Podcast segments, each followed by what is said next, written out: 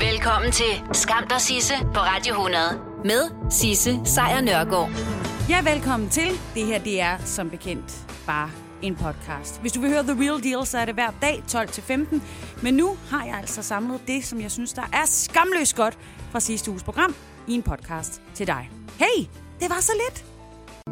Skam der Sisse på Radio 100 præsenterer dagens skamløse øjeblik.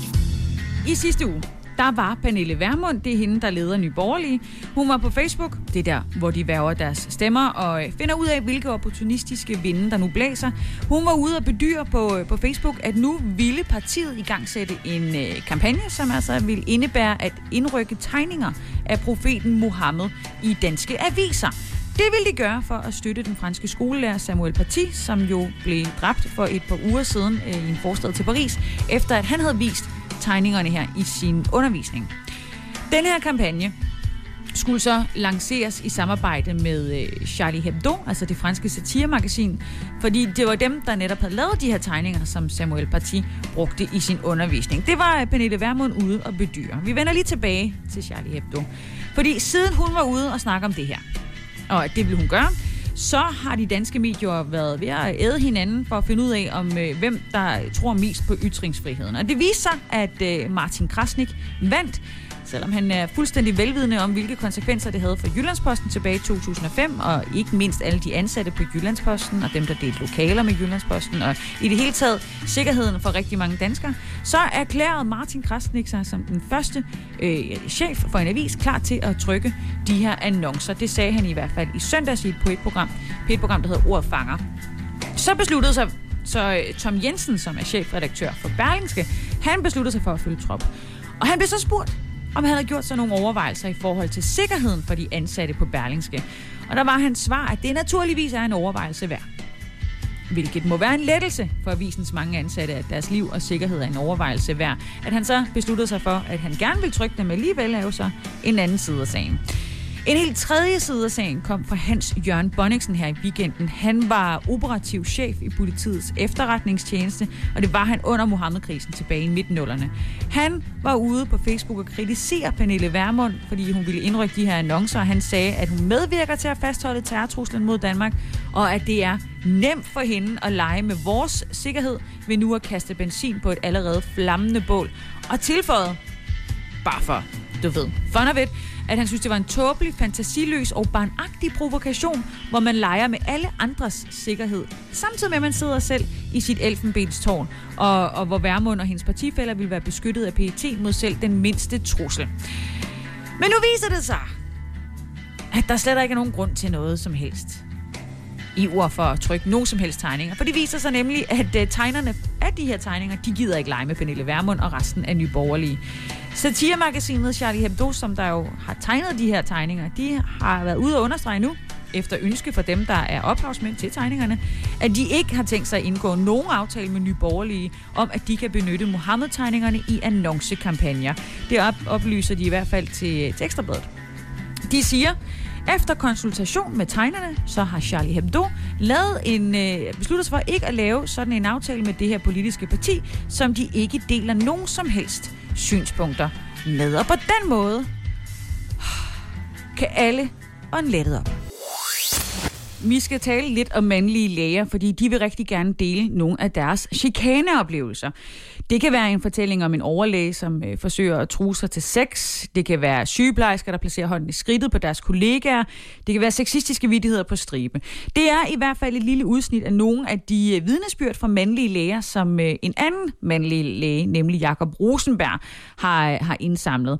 Han er overlæge, han er professor på Herlev Hospital, og så er han også konservativt regionsmedlem i øh, Region Hovedstaden. Og han har så samlet de her vidnesbyrd sammen. Og det har han gjort, efter han har lavet et opslag på, øh, på Facebook i et lægeforum, hvor han også efterlyste mandlige læger, som altså havde oplevet at blive seksuelt krænket. Og han fortæller altså, at han har fået hundredvis af henvendelser, både i selve tråden på Facebook, men også i, øh, i personlige meddelelser og på, på mail. Jakob Rosenbergs øh, fokus på krænkelser af mandlige læger, det kommer jo efter, at vi har haft meget fokus på kvinder i den her debat øh, om sexisme, der jo primært er rettet mod kvinder. Blandt andet så øh, var flere hundrede kvinder i september, øh, 100 kvinder, 100 øh, læger, sorry, i øh, september, ude med et brev med vidnesbyrd om seksuelle krænkelser, og i øh, 2018, der øh, startede flere kvindelige læger en større undersøgelse af sexisme blandt sundhedspersonalet. Men med de her nye vidnesbyrd, så ønsker overlæge Jakob Rosenberg altså at sætte fokus på, at MeToo-debatten måske burde handle mere om de krænkede og mindre om, om køn. Mm. Ja, der bliver altså også snakket om, at mænd kan blive krænket af kvinder, og det har ikke været et samtaleemne før. Jeg ønsker sådan set bare, at det bliver lige så naturligt at tale om, som det er at tale om, at der er mænd, der krænker kvinder. Og det er der jo ikke nogen, der kan klandre Jakob Rosenberg for. Det lyder faktisk rigtig fint. Forperson for overlægeforeningen Lisbeth Lenz, hun er dog ikke overrasket over, at der nu også er kommet historier om krænker af mandlige læger frem. Og er selvfølgelig ude at sige, at det er fuldstændig uacceptabelt, og vi bliver nødt til at tage det op i alle enheder, i hver en afdeling, på hvert et sygehus eller hospital og i alle fem regioner, og i talesætte direkte, hvad det er for en adfærd, som vi synes, der er rimelig. Og det kan man sige, hvis de så også bare havde gjort det for tre år siden, da kvinder råbte vagt i gevær. Men anywho, i øh, morges på en konkurrerende kanal, nemlig på øh, P1, der kiggede øh, kønsforsker på, øh, på RUK, Kenneth Reinicke, han kiggede på historien, og, og han sagde følgende. Altså, det er jo interessant, at mænd også er øh, bliver udsat for seksuelle krænkelser. Jeg tror alligevel, det her det er vigtigt, sådan groft sagt, lige at holde tungen lige i munden, fordi al forskning omkring seksuelle krænkelser viser, at, at der er to markante forskelle, og det er hyppigheden og alvorligheden af de her seksuelle krænkelser. Men når det er sagt, så ved vi også, at når mænd bliver udsat for det, så er det langt mere tabuiseret stigmatiserende. Altså det er langt mere stigmatiserende, og derfor ved vi også, at mænd de snakker ofte ikke med andre om det, og de melder det heller ikke. Men igen, der er langt flere kvinder, der bliver udsat for det. Det sagde altså øh, kønsforsker Kenneth Reinicke i, øh, fra RUK, og det gjorde han altså i P1 morgen. Skamløse fornøjelser. Som sagt, så vil jeg gerne levere en, øh, en god nyhed. Vi ved, at øh, verdens have er blevet varmere. Og med den stigning i øh, temperatur, jamen, så er nogle af verdens allervigtigste koralrev også ved at uddø. Det, det er sådan noget, vi ved. Men i dag der får du altså en god nyhed. Fordi videnskabsfolk fra Australien har nemlig opdaget et nyt koralrev. Et koralrev, der er på, på størrelse med Eiffeltårnet i Paris. Jeg vil faktisk våge at påstå større. Og der er ingen tegn på et blinding, altså en blinding, som der jo ellers er øh, på mange andre koralrev. Øh, samme slags blegning, der jo har halveret det store koralrev, The Great Barrier Reef, der kun ligger et par kilometer fra den her nye, nyopdagede øh, rev. Øh, videnskabsfolkene de kalder det her nyopdagede rev for et bladrev. Jeg ved ikke, hvad det betyder, men jeg kan fortælle dig, at det er næsten 500 meter højt og 1,5 kilometer bredt. Igen større. Meget større end, end Eiffeltårnet. Men det, Eiffeltårnet er også stort, så jeg vil lige have noget at, at, at sammenligne med. På det højeste punkt på revet er der kun 40 meter op til vandoverfladen, så man kan faktisk være heldig at, at, at dykke derned, hvis man vil, at man har udstyr til det. Men man skal lade være, man skal lade det være. Det nyopdagede koralrev, det ligger godt 6 km fra The Great Barrier Reef. Koralrevet, som vi jo stort set altid taler om, fordi det er ved at blegne. Og når det blegner, så dør det, og det kommer ikke tilbage. Et hold øh, videnskabsfolk fra James Cook University under ledelse af en, øh, en fyr, der hedder Dr. Robin Beeman, opdagede det her nye koralrev tidligere i øh, oktober, da de var ved at opmåle havbunden. Og ifølge Biman så er revet det første i den her størrelsesorden, som er blevet opdaget i over 120 år. Det er jo som at få en lille juvel, ikke? En, en kæmpe juvel. Altså en, en Afrikas stjerne, hvis man altså har spillet det spil. Robin Beeman han har fortalt til Reuters, at der er fundet nye syv separate rev allerede. De er godt optegnet, og det blev gjort i slutningen af 1800-tallet. Vi kan se dem på alle mulige gamle søkort, men der var intet spor af det her nye koralrev, som rejser sig øh, 500 meter, før vi kom hertil.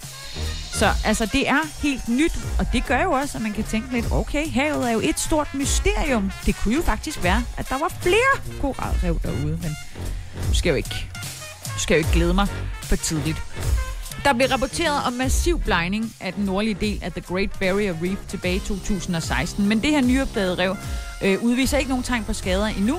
Ifølge Biman er det faktisk øh, vært for en masse fisk i et sundt økosystem, og det er så godt nyt. For et nyt studie viser, at de store rev har mistet mere end halvdelen af sine koraller gennem de sidste 30 år. Så her er der altså et, der har taget over, og der er ikke noget bevis på blegning. Der er ikke nogen skader for blegning. Tværtimod ser det ud til, at det er et levende koralrev med formentlig flere fisk, end de har set før. Altså en vrimmel af fisk over toppen af koralrevet. Det er med andre ord en god dag for alle os, der godt kan lide at læse lidt om koralrev. Så øh, se, så var alt ikke lort alligevel. Du skal stadigvæk dø, men det har ikke noget med koralrevet at gøre. Skam dig, Sisse, på Radio 100. I dag har jeg øh, fået lov til at, øh, at lave et langdistance opkald til min nabo. Og hvordan det så hænger sammen, det, øh, det bliver du meget klogere på nu. For de har ringet til Steve McFarland. Hej Steve. Hej Sisse. Hej. Går det Du- godt derovre? Det er dejligt, vi savner dig nede i, øh, i parken. Du er jo min nabo til daglig. Det er jeg i hvert fald. Præcis. Det er meget. Men du er også amerikaner. Jo, det, det kan man måske høre. Du kan ikke, man kan ikke løbe fra det, øh, når man har den skønne øh, accent, som du har. Og selvom at jeg forstår accenten, fordi vi taler til daglig, Steve og jeg, så er der altså øh, langt til Philadelphia over en telefon og med en øh, tung accent i de her dage. Så jeg har altså tilladt mig at klippe lidt op i vores snak. Steve McFarland her, han er øh, tidligere valgorganiser, blandt andet i øh, USA, inden kærligheden førte ham til Nørrebro i København. Og øh, her i øh, Danmark, der har han også arbejdet med græsrodsbevægelser og fundraising og sådan nogle ting. Men han er simpelthen fløjet til USA for at... For at mobilisere til valget, vi kalder det for get out the vote, at trække folk til valgstederne. Jeg tror, at alle forventer, og det gør jeg også. Um, I høj grad, at det bliver største valgdeltagelse nogensinde. Men um, vi simpelthen banker på døren hos folk, som måske ikke plejer altid at stemme, eller hvor man ikke lige præcis ved, hvor man har dem, og så tager vi en personlig samtale. Det, gør, det plejer vi at gøre i hvert fald. Snakke med folk og få dem til at forpligte sig til at dukke op. Så Steve, han vil altså mobilisere vælgerne til at komme ud og stemme, også selvom at der er en enorm valgdeltagelse i år. Og så har han altså også de sidste par dage øh, gået rundt i Philadelphia og øh, talt med folk og fået dem til at forpligte sig til at dukke op her i dag. Men øh, i dag, som jo er selve valgdagen, der har han faktisk andre planer. I dag kommer jeg faktisk til at, at lave det, vi kalder for øh, vælgerbeskyttelse, eller omsorg. Det er simpelthen at, uh, at være ved valgstederne med øh, en snesvis af frivillige, som både holder øje med problemer, der opstår ved at stemme, hvis nogen bliver bedt om at, at vise uh, identifikation, som de ikke behøver, eller noget i den stil. Så kommer vi også til at opmuntre folk og hjælpe dem med at blive ved, hvis de står i en kø, som jeg har set, der har været kørt op mod 11 timer i nogle delstater. Og, og så kommer vi også til at konfrontere, så hvis der kommer nogle blandt folk, der står i kø, eller blandt nogle af de demonstranter, som Trump har opfordret til at dukke op, så er vi også derfor trænet faktisk i at, at konfrontere. Ja, Steve McFarland skal i dag bruge sin valgdag på at lave såkaldt vælgerbeskyttelse. Altså være på valgstederne, holde øje med problemer, der kan opstå, hvis man for eksempel bliver afvist på grund af manglende ID. Øh, han skal også stå og opmuntre folk, fordi der er nogle steder, hvor der er køer øh, i flere timer, altså 10-11 timer. Og så er han der blandt andet også for at være med til at konfliktmale mellem øh, hardcore republikanere, altså Trump-støtter, og, øh, og demokrater, sådan så ingen river hovedet af hinanden. Særligt vil dette være, når præsidenten har opfordret sine støtter tage en pistol med til dem, stemme, så skal vi bare lige hænge nogen, som er trænet i at, øh, at, øh, at deeskalering og at sikre, at alle har det godt. Og alle får lov at stemme. Ja, vælgerbeskyttelse er ufattelig vigtigt ved det her valg, hvor Trump altså også har opfordret til at bære synlige våben. Så Steve McFarland, min nabo, han er rejst fra Nørrebro til Philadelphia for at sikre sig, at der er mennesker til at få den her situation under kontrol under det her valg. Det er med andre ord helt anderledes, end det før har været ved det amerikanske valg. I dag der stemmer amerikanerne, og Ekstrabladets politiske journalist Christopher Miles han har været så venlig at inddrage øh, mig, og dermed også dig, til øh, i hvordan det føles at være i øh, USA lige nu. Altså, vi var til sådan et Trump-rally i går, øh, og, og når man taler med folk der, så, øh, så, så, så er stemningen i de her stater, øh, klassiske røde, øh, demokratiske, øh, undskyld, republikanske stater, at jamen, selvfølgelig kommer Trump til at vinde. Altså, de er ikke i tvivl om, de, de, de, de tror ikke det mindste på de her meningsmålinger, som Trump jo også igen og igen tæsker løs på, og, og som han jo med god grund også, hvad kan man sige, har øh, ligesom noget at have det i efter, efter valgresultatet sidste gang undermineret øh, dem, hvad hedder det, meningsmålingernes resultat. Men der kan man mærke, at de er, at de, de, de er sådan set helt overbeviste om, at det her det kommer Trump til at vinde. Og hvis han ikke gør, så er det ikke, så er det ikke, så er det ikke et udtryk for en, hvad kan man sige, demokratisk øh, domsafsigelse. Så er det et udtryk for, at der højst sandsynligt er valgsvindel involveret i, øh, i det. Så her der er folk bare sikre på, at Trump kommer til at, at vinde. I hvert fald når man spørger dem. Jeg ved ikke, om de sådan tænker noget andet, når de sidder derhjemme over deres steak om aftenen. Men, øh, men når du så taler med de her mennesker, der møder op til de her rallies, hvad siger de så? Altså, hvad er det for noget ved, ved Donald Trumps politik, som de synes, der er så vigtigt for USA's fremtid? Det, det mærkelige er, at det ikke rigtig noget specifikt. Altså, det er ikke fordi, jo selvfølgelig er der nogen, der siger, at det er våbenrettigheder, og det er økonomi, men det, det, der er ikke nogen, der sådan kommer med en større analyse af, ikke fordi de skal, det er jo bare vælgere, hvad er det, jeg får ud af at stemme på Donald Trump? Altså, hvad er det, hvad er det, for, en, hvad er det for nogle ændringer i samfundet, han vil, han vil skabe for mig? Nej, det, det er mere bare, at de stemmer på Donald Trump, fordi Donald Trump. Altså fordi, at han er, hvem han er, og fordi de på en eller anden måde kan identificere sig med, med, med, med, med den der håndgranat ind i øh, porcelænsbutikken. Hvad kan man sige? Fuldstændig øh, helhjertet modstand mod det etablerede, som, som han udgør. Så når man spørger dem, hvad var det bedste? Hvad var det, hvad, hvad var det bedste ved det, Donald Trump lige sagde her for 10 minutter siden ved det her rally? Så er svaret, øh, jamen, bare det hele. Bare, bare, bare det, Donald, Donald kom. Han kom til Georgia. Han var her sammen med os så er Donald Trump jo ude fem-seks steder på en dag øh, og flyver rundt i Air Force One for at, at komme til så mange stater som muligt. Øh, og det, det, det, de, de vil bare se giraffen og, og være der sammen med ham. Og det er nok for dem. Det her med, at øh, Biden så bliver nødt til at blive hjemme, tror du, det har en effekt på valget? Det er svært at sige. Det kan det jo have, og, og det, det er umuligt at sige. Hvis man skulle vurdere valget ud fra sådan øh, stemningen, altså entusiasmen, så ja, så er der ingen tvivl om, at, øh, at, at, at Donald Trump han har noget momentum, når han er ude. Når man ser de her Joe Biden øh, så er det jo folk, der sidder med afstand i biler på grund af corona. Øh, så, er det, så, er det, så er det nogle steder, hvor han møder op, og han har det jo, men han er jo, er jo altså, han er jo så gammel, at, at der er jo nærmest en levende præsident, der stadigvæk der kunne være hans søn. Ikke? Øh, altså, det, er jo, det, er jo, det er jo sådan en underlig fornemmelse at stå og se sådan en gammel mand, men han, han, han får jo kludret i ordene. Det gør han ret tit. Altså for nylig fik han sagt, at jeg stemmer, stiller op til senatet, men der blev talt meget om den, det stille flertal herover og om det, det tavse flertal, det, det ligesom tropper op på valgdagen og stemmer øh, på Joe Biden. Det er der jo mange meningsmålere i hvert fald, der vurderer, at det, det gør det. Men når man er på gaden og taler med folk, så er det, så er det Donald Trump, der ligesom får, hvad skal man sige, gnisten frem i folks øjne, øh, i modsætning til de folk, der, der taler på Joe Biden, som mere er et spørgsmål om, at så har de en, en, en mulighed for at stemme Donald, Donald Trump ud af det hvide på, mere end det, fordi de stemmer på Joe Biden. Så det er et mere et, øh, et praktisk forhold øh, frem for en stormende kærlighedserklæring? Ja, det er, det er fravalg øh, af, en kandidat mere end et tilvalg end anden. Og det forklarede altså Christoffer Miles, politisk journalist på Ekstrabladet til mig, og øh, til dig i øvrigt, og så håber jeg, at han øh, passer på sig selv derovre, mens de stemmer. jeg har øh, simpelthen fået lov til at invitere en meget særlig gæst i studiet hos mig i dag. Og meget særlig gæst, øh, fordi det er min kæreste. Men derudover, så er du også øh, Esben Bjerre, den, den ene halvdel af Her går det godt, duoen, hvor øh, Peter Faltoft jo er den anden. Ja. I har sendt radio sammen i Tidernes Morgen på B3. Nu har I en, øh, en øh, podcast, der hedder Her går det godt. Og så dækker I valg ja, under sloganet Valg Amok. Val amok. Lige præcis. Og Esben, du har jo dækket det amerikanske... Det her det, det er tredje gang, du dækker det amerikanske valg. Det er det. Så altså, jeg nærmer mig at være kender, vil jeg sige. Åh, oh, ja. Fine. Ikke ekspert endnu. Nej, det er next level. Ja. Så øhm, du, du vil jo... Vi, vi skulle begge to have været i USA lige nu og, øh, og have sendt henholdsvis radio og podcast og, og tv-feed derfra.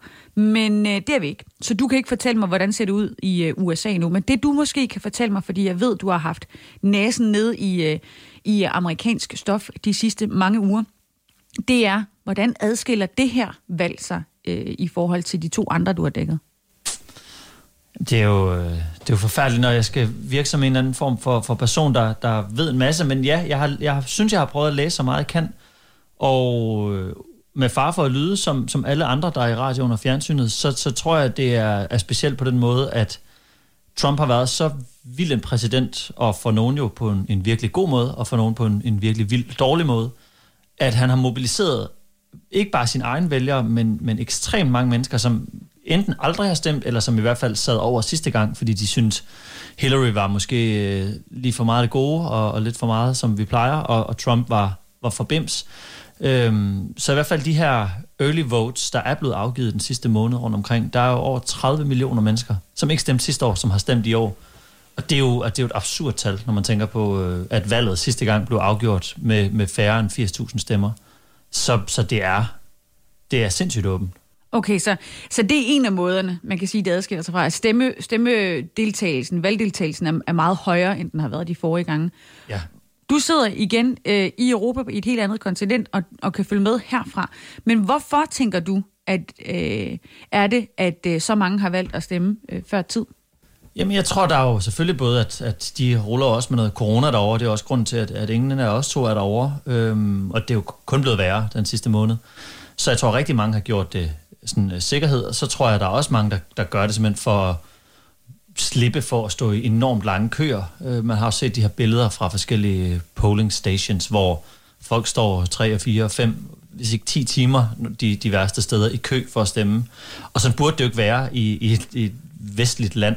Øhm, og jeg synes jo, der er mange ting, når man snakker om amerikansk politik, hvor hvis man ikke satte USA eller Amerika efter sætningen, så vil man tænke, det foregik i en øh, altså republik under Rusland eller, eller et sted i Afrika. At det her med, der også er øh, militser med våben ved nogle stemmesteder. Øh, demokraterne er nødt til at have valgobservatører. At det er, det er virkelig vildt, og man kan godt mærke, at der sådan er high stakes. Der skulle også være sådan et stort spike i, hvor mange der har købt våben og sådan noget, og det, ja, det, det er meget vildt. Jeg snakkede tidligere i dag med øh, vores nabo, Steve, Mm. Steve McFarland, som jo er i øh, Philadelphia, hvor han øh, i dag skal udøve det, der hedder vælgerbeskyttelse. Ja. H- hvad tænker du, når du hører det? Jamen det er jo det. Altså det, det er jo absurd, at et, et land, som ofte bryster sig af at være verdens bedste og, og vigtigste og demokrati, er nødt til at have, have vælgerbeskyttelse ved de forskellige stemmesteder, fordi at man er bange for, at der kunne komme nogle af de her militser, som, som jo helt lovligt må rulle ind med, med diverse våben og skudsikre veste, for på den ene eller den anden måde at skræmme. Det er ikke fordi, jeg tror, at nogle af de her Trump-støtter møder op og bare begynder at skyde folk sådan øh, at random, men, men bare det, hvis du står og er, er i forvejen måske lidt presset over og skal, skal stå flere timer i kø for at stemme, og der så står folk og råber og skriger af dig, og nogle af dem står med våben, så kan det godt være, at man, man bare bliver i bilen og så kører hjem. Øhm, og det synes jeg, der er et kæmpe problem. Apropos øh, hjem, jeg er næsten glad for, at du er hjemme og i København og skal sende øh, Valamok senere i dag.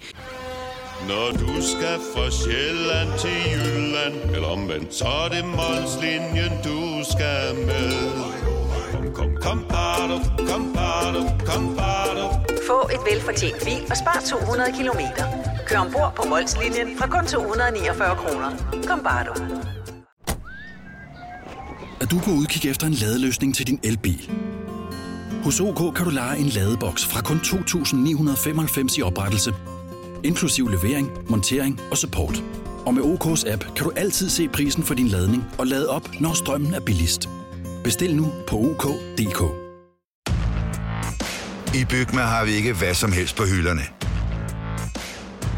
Det er derfor, det kun er nøje udvalgte leverandører, du finder i Bygma. Så vi kan levere byggematerialer af højeste kvalitet til dig og dine kunder. Det er derfor, vi siger, Bygma. Ikke farmatører. Du vil bygge i Amerika? Ja, selvfølgelig vil jeg det. Reglerne gælder for alle. Også for en dansk pige, som er blevet glad for en tysk officer. Udbrændt til kunstner. Det er jo sådan, at direktør Conradsen, han ser på mig. Jeg har altid set frem til min sommer. Gense alle dem, jeg kender. Badehotellet. Den sidste sæson. Stream nu på TV2 Play. Skam dig, Sisse, på Radio 100. Og jeg føler mig også fuldstændig revet rundt i løbet af de sidste 24 timer. Det har ikke været nogen rar omgang, øh, det her valg at følge med i. Der har været øh, angreb på selveste demokratiet, hvilket vi jo øh, godt vidste var i gang, det her angreb, men det var alligevel sådan forholdsvis ekstra udtalt her i morges. Fordi i morges, der gik øh, Donald Trump nemlig selv ud og erklærede sig selv som vinder af det amerikanske valg, endda helt uden at have noget som helst belæg for det. This is a fraud on the American public. This is an embarrassment to our country. We were getting ready to win this election Frankly, we did win this election. Ja, som så mange andre ting i her i øh, 2020, så er det jo også rigtig nederen, at man har gjort sig klar til at vinde et valg, og så umiddelbart ikke så ud til at gøre det alligevel. Så bliver man jo nødt til at bare at holde den og sige, jamen vi vandt rent faktisk. Det var i hvert fald, hvad øh, Donald Trump fik sagt her i morges dansk tid, da han holdt en tale i det hvide hus. Men det er jo som bekendt en sejr, han på ingen måde kan tilrage sig, fordi stemmerne er overhovedet ikke talt op endnu, hvis de overhovedet får lov til at blive, stille, øh, blive talt op. This is a major fraud in our nation. We want the law to be used in a proper manner. So we'll be going to the U.S. Supreme Court. We want all voting to stop. We don't want them to find any balance at 4 o'clock in the morning and add them to the list. Ja, men det vides ikke helt, hvad det er, Donald Trump præcis mener, når han siger, at der skal stoppes øh, stemmeafgivelse. Da det amerikanske jo, øh, valg jo for længst er lukket ned, valgstederne har for længst lukket ned. Og derfor er der rigtig mange, der tolker præsidentens ord som, at de stemmer, der endnu ikke er talt op, for eksempel brevstemmerne, de ikke bør tales med. Og det giver jo god mening for Donald Trump i og med, at alle analytikere er ude og sige, at nok 75 procent af de her brevstemmer, de kommer til at gå til Joe Bidens favør. Og øh, også selvom det for længst på en eller anden måde er afgjort, de tæller jo med. Altså man kan jo ikke, man kan ikke komme udenom en afgørelse om, at de her brevstemmer kommer til at tælle med, og de tælles for eksempel også lige nu. De tælles for eksempel i USA's femte mest folkerige stat, nemlig Pennsylvania. Her for eksempel, der havde vælgerne i øh, to årtier altid stemt på kandidaten for demokraterne, men i 2016 så valgte de altså Donald Trump. Han havde 1% flere stemmer end Clinton. Derfor så har Joe Biden, som jo er øh, fra Pennsylvania, han er født i Pennsylvania, han har sat rigtig hårdt ind på, at nu skal Pennsylvania er der være demokratisk, og det kan måske lykkes ham med brevstemmerne. Her har de øh, millioner af stemmer, som øh, skal tælles op, og de er altså i, øh, i gang stadigvæk. Der er nogen, der siger, at det kan tage dage, der er nogen, der siger, at det kan blive færdigt her i nat. Alle taler om det, ingen ved det, men når de ved det, så ved vi også mere om, hvem der kommer til at blive den amerikanske præsident fra januar. Men der er ikke nogen, der kan kalde den nu.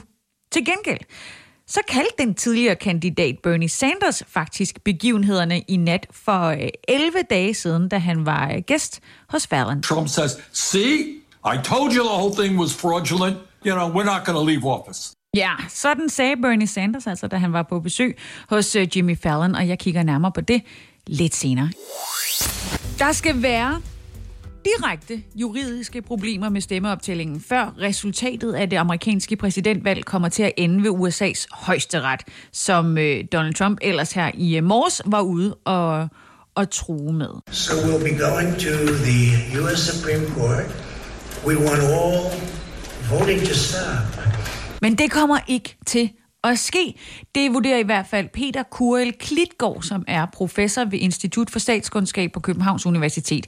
Han er forsker i øh, amerikansk politik, i valgsystemer og forfatninger, og han kalder det bluff. Forfatningen i USA siger, at delstaterne selv har ansvar for at sætte reglerne for valgafviklingen og for at gennemføre valg handlingen. Og det vil altså sige, at så længe delstaterne overholder deres egne regler, så skal forbundsstaten og dermed præsidenten holde sig ude af det. Det er i hvert fald, hvad Peter Kurel Klitgaard han vurderer. Så det Trump havde gang i i morges, det er, at han forsøger at lukke handlen. Simpelthen vil jeg sige, at der er ikke noget at komme efter. De snyder alle sammen, og så øh, håber han formentlig på, at Biden og resten af demokraterne siger, okay, jamen, så giver vi op, Trump. Alt det her, det er ikke noget, som, øh, som Glitgaard han har grebet ud af tynd luft, som man siger på godt amerikansk. Det er altså noget, som mange har snakket om længe. Faktisk så forudså en tidligere præsidentkandidat, eller det vil sige en tidligere kandidat til at blive præsidentkandidat, nemlig Bernie Sanders. Han forudså alt det her for 11 dage siden, da han øh, gæstede Jimmy Fallons Tonight Show. Øhm, ja, han gættede det faktisk en til en. Prøv at høre her. And here is the fear, and I hope everybody hears that. It could well be, and you know, I don't know what's going to happen, nobody does, but it could well be that at 10 o'clock on election night, Trump is winning in Michigan, he's winning in Pennsylvania, he's winning in Wisconsin, and he gets on the television, he says, Thank you, Americans, for re electing me. It's all over. Have a good day. But then the next day, And the day following, all of those mail in ballots start getting counted. And it turns out that Biden has won those states. At which point Trump says, See, I told you the whole thing was fraudulent. I told you those mail in ballots were crooked. And I got, you know, we're not going to leave office. So that is a worry that I and, and a lot of people have. Fedt nok. Så vi ved, det sker, men så er spørgsmålet jo sådan set bare, hvordan stopper man det? Alle, som nogensinde har været noget ved noget som helst, var i øh, de danske tv-studier i aftes og i nat for at kommentere på det amerikanske valg. Derfor var vores tidligere statsminister Anders Fogh Rasmussen selvfølgelig også at finde, og det var han øh, på skærmen, og det var han i øvrigt på, øh, på DR. Og han havde øh, noget nyt med, som jeg lige vender tilbage til. Fordi under hele det her valg, der har Grab him by the pussy Trump kaldt Joe Biden for Grabby Joe, eller Creepy Joe, fordi han spiller på et renommé om, at Biden er for nærgående, når han er i, i selskab med andre mennesker, og her menes selvfølgelig primært kvinder. Han er simpelthen for nærgående, mener han, og det er et omdømme, som også vores egen tidligere statsminister, Anders Fogh Rasmussen, han har bevidnet. Det gjorde han i hvert fald i går. Han smed en bombe, da han var inviteret ind i DR for at kommentere på, på valget sammen med en øh, anden tidligere statsminister herhjemme, nemlig Helle thorning -Schmidt. Jeg tror ikke, han passer ind i MeToo-konceptet. Altså, han er meget sådan fysisk. Det, hvorfor han jo også har fået øgenavnet Grabby Joe. Altså, Det har han fik og hænderne måske Mine to øh, døtre arbejdede øh, på Københavns øh, topmøde, demokratitopmøde, som vi holdt i 2018, hvor Biden han var på besøg. Så det kan de fuldstændig bekræfte. Men han, øh, altså... Jeg tror, at vi fik en form for Ja, det, breaking det news. var breaking news. Grabbing, grabbing. Lad os håbe, at det ikke kommer til USA. det. men, Ja, som uh, Helle thorning Schmidt får sagt her til sidst, lad os håbe, det ikke kommer til USA, at den dansk tidligere statsminister kalder Biden for, ja, hvad, hvad, jeg ved ikke, hvad han kaldte ham for. Men det, som Anders Fogh så også fik sagt efterfølgende, det var, jamen, han mener det godt. Og det, det er jo bare ikke rigtigt et, øh, et godt nok svar. I Polen, der har konservative uh, Handmaidens Tale kind of kræfter længe forsøgt at få fjernet kvinders ret til at bestemme over egen krop. De har nemlig forsøgt længe at gøre aborten fuldstændig ulovlig. Og øh, desværre det lykkedes. Den 22. oktober, der lykkedes det, da forfatningsdomstolen den besluttede, at abort af fostre med misdannelser, det er forfatningsstridigt.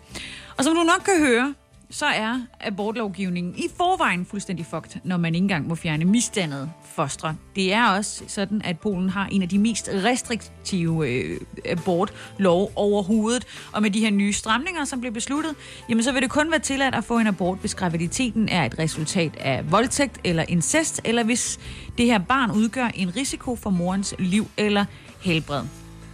Den her frygtelig uhyggelige lov skulle være øh, trådt i kraft i mandags. Men det er ikke sket. Og grunden til, øh, at det ikke er sket, det er, at der har været enormt store demonstrationer, som, som har været direkte i kølevandet på den her beslutning. Der har været demonstreret i ugevis, og der har været voldsomt mange mennesker på gaderne. Så nu er udmeldingen, at Polen har brug for ro til at drøfte en afgørelse for højesteret, som altså vil forbyde de her aborter. Det var, hvad en talsmand for regeringen sagde i går. Og det var forventet jo, som sagt, at det ville ske i mandags, at så ville øh, den her abortlov øh, trådte i kraft. Men de her demonstrationer og protester fra befolkningen hver evig eneste dag de sidste to uger, har altså gjort det, at den her proces, den er forsinket. Afgørelsen den udløste store demo, øh, demonstrationer, ikke bare i, øh, i, øh, i, i de, store, de store byer, altså, og ikke bare blandt kvinder. Det har så været både mænd og kvinder, der har været på gaden for at demonstrere. Og det har været meget voldsommere, end regeringen havde forventet. I øh, går, der var der demonstrationer igen, hvor blandt andet to polakker klædte sig af og stod foran præsidentboligen i, øh, i Warszawa, altså i, i hovedstaden i Polen. Og oprindeligt så havde regeringen meldt ud, at afgørelsen skulle være fuldbyrdet inden den 2. november. Det er så ikke sket, og der er ikke meget, der tyder på, at den kommer til at træde i kraft i dag. Ej, heller.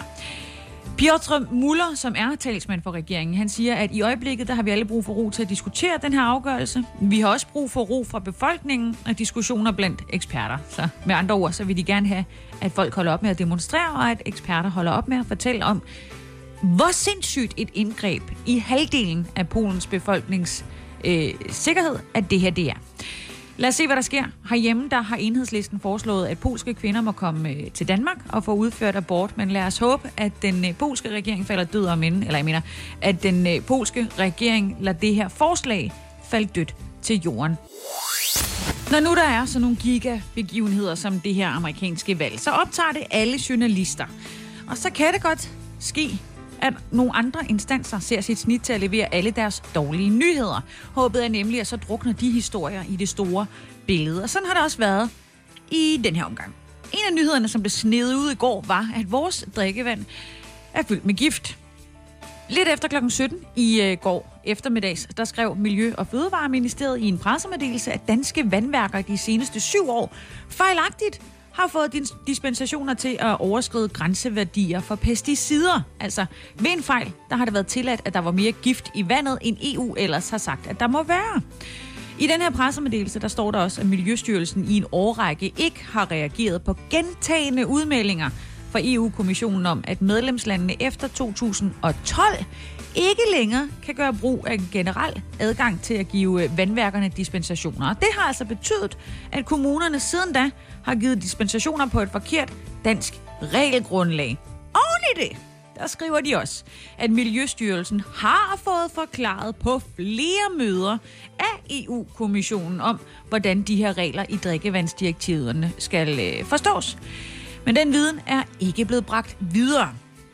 Berlingske, de har så spurgt vores miljøminister Lea Wermelin om, hvorfor hun og hendes ministerium så vælger at sende så vigtig en nyhed ud midt i nyhedsstrømmen om det amerikanske valg. Og til det der svarer hun, at de først skulle orientere Folketinget hurtigst muligt efter, at hun selv var bedre orienteret.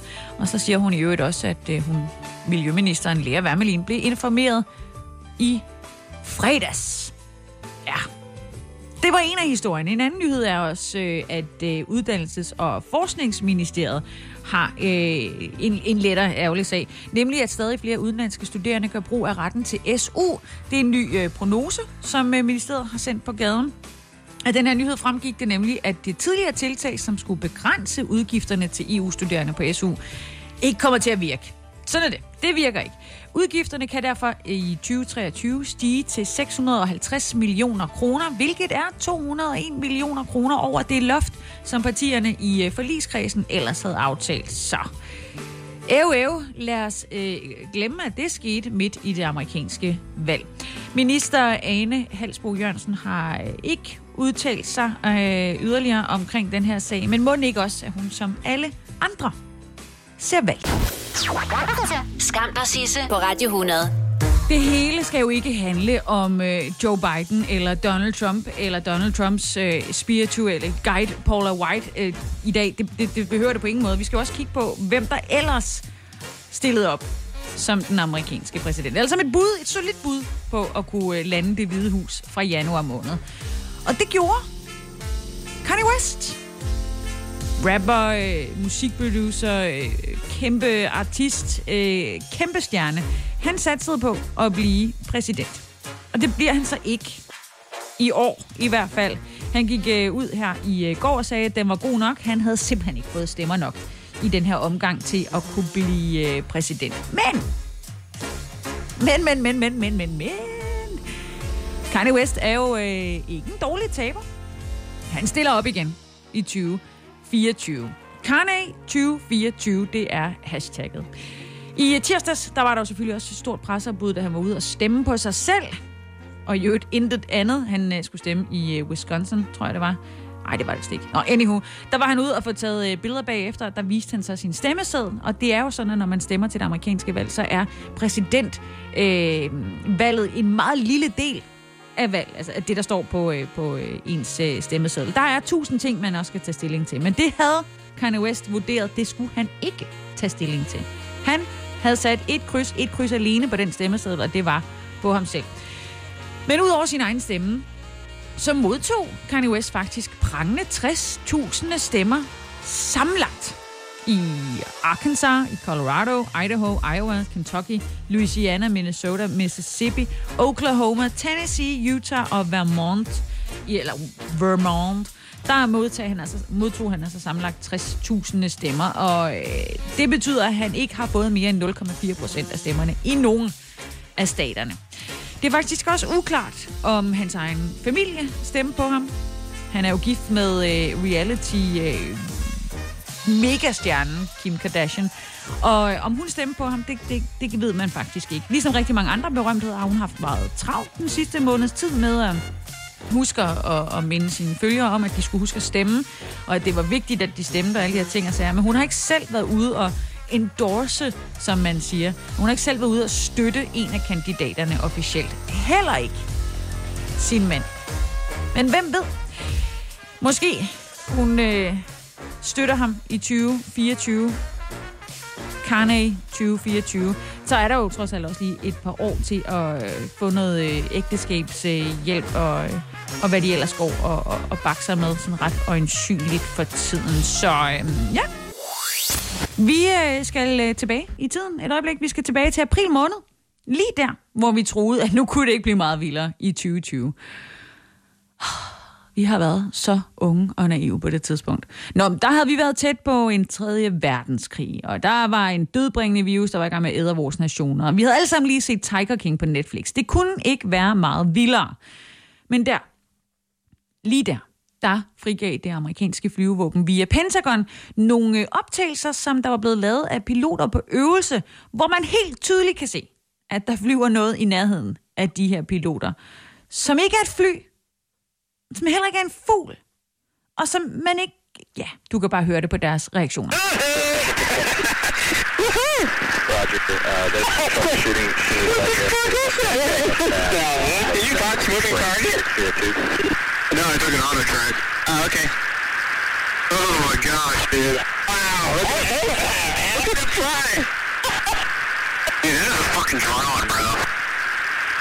Ja, det er lidt sjovt, men det er også sådan, hvad, hvad fanden foregår der bro-agtigt til sidst?